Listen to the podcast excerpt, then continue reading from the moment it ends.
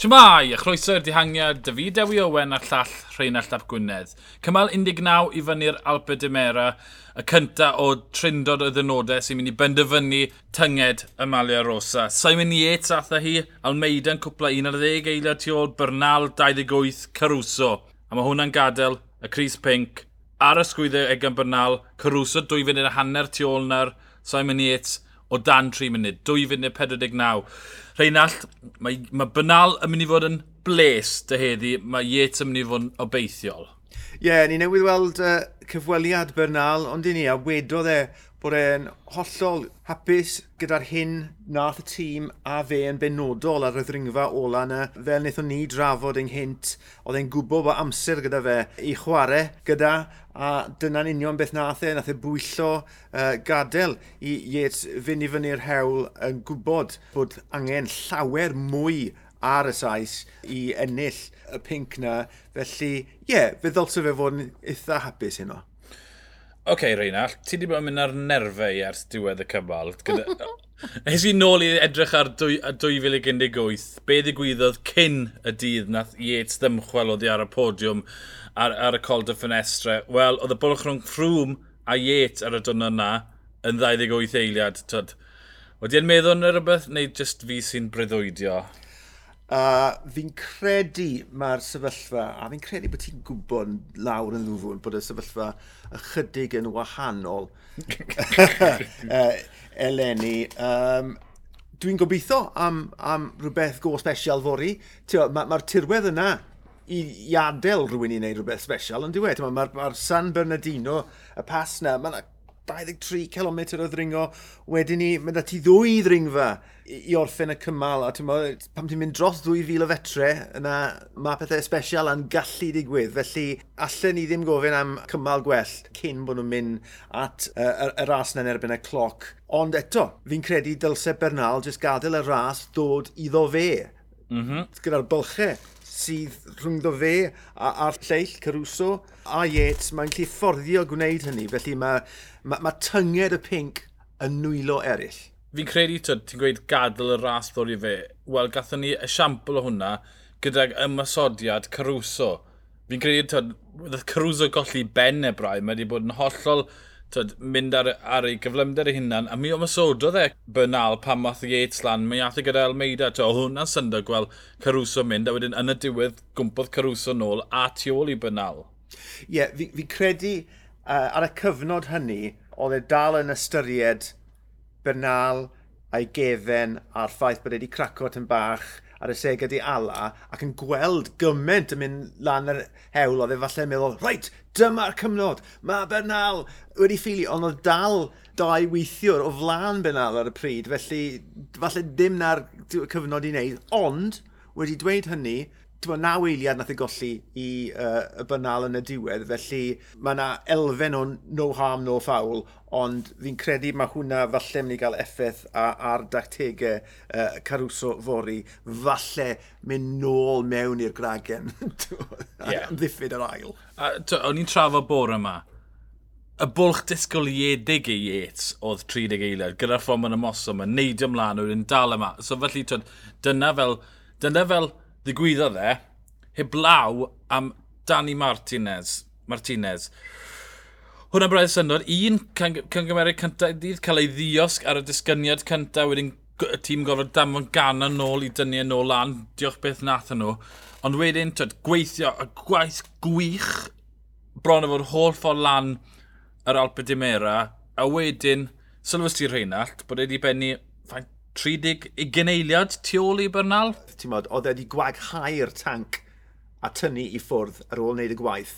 A beth fi'n credu ddalse fe wedi wneud wedyn ni, yw pedal feddal ar holl ffordd mewn yn gwybod bod diwrnod anodd arall y waith o'i flanau.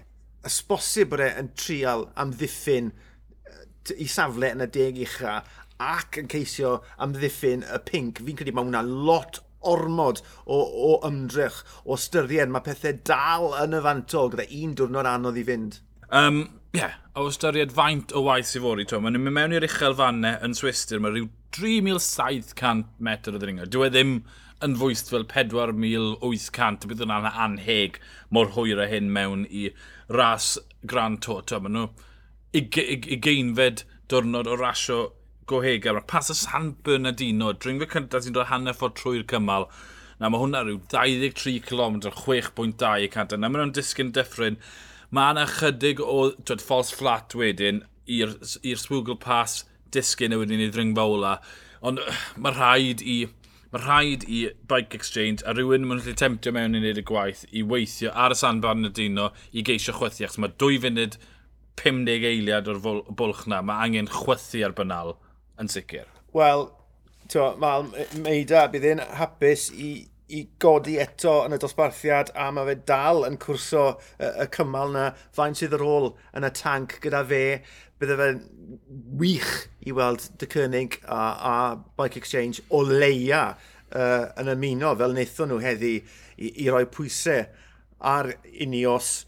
Um, pan, pan mae'n dod i Astana a, a, a IF, ti'n bod, ymosododd lasodd, ymosododd carthu, ond eithon nhw'n nynlle, so sa'n rili really gweld nhw yn, yn, yn taranu, ond just yn gobeithio gweld Bike Exchange a, a dy cynnig uh, yn mynd amdani unwaith to. Ie, yeah, falle un ffactor bydd yn cyfru yn erbyn nhw o, o heddi yw bod taw Yates ath ar cymal Felly, tyd, er bod nhw'n bod yn gweithio dy gilydd, oedd y cynllun ddim wedi gweithio achos oedd Almeida yn ail, felly heb ennill y cymal. Ond ti'n ti disgwyl lawr y drefn, mae Almeida 8 munud 26 tu ôl bynal, a ddim llawer o wahaniaeth o'r dechrau dydd, ond wedyn ti'n edrych ar y seithfed, chweched, pumed safle.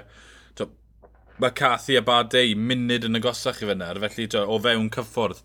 Uh, falle, falle gewn ni weld y peth sy'n gael yn ogol i unios, twyd, pwer y geiniog o ystyried twyd, gwahaniaeth dy pam nath ffrwme, e, oedd tîm ffrwm mor grif ar y dydd. Wel, ti'n disgwyl tîm bike stint, ddim cweit digon cryf i wneud. A'r ffaith nath e ddim twyd, collapso'n gyfan gwbl, wel, mae hwnna heb roi calon i'r tîm eraill. Dyw, dyw Bahrein ddim yn mynd i ymuno mewn o gwbl. Dyw rhywun fel Caruso ddim yn mynd i mynd o mewn, gan bod nhw'n nhw, gwybod, wel, hyn os mae yn dymchwel, dwi'n mynd i golli 40 munud, 2 funud, 3 munud ar y gweitha nid wedi golli, a siwr o fod rhyw 30 eiliad, neu falle, yn cwpla gyda Yates.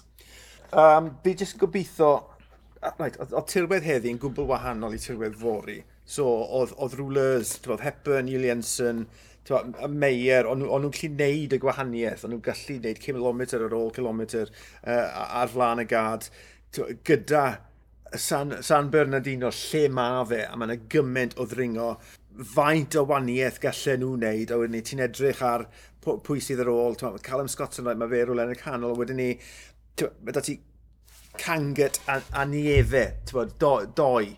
Mae angen, fe wedes i'n hyn mae angen i'r ddoi dîm uno i greu un tîm. Does, does dim digon o cryfder yn un os ti eisiau creu unios newydd, mae rhaid i ti uno dau dîm gyda'i gilydd. Dringwyr a rulers o ddau dîm mewn i un a wedyn ni just cydweithio, taflu'r dais a just gweld lle gwmpyn nhw.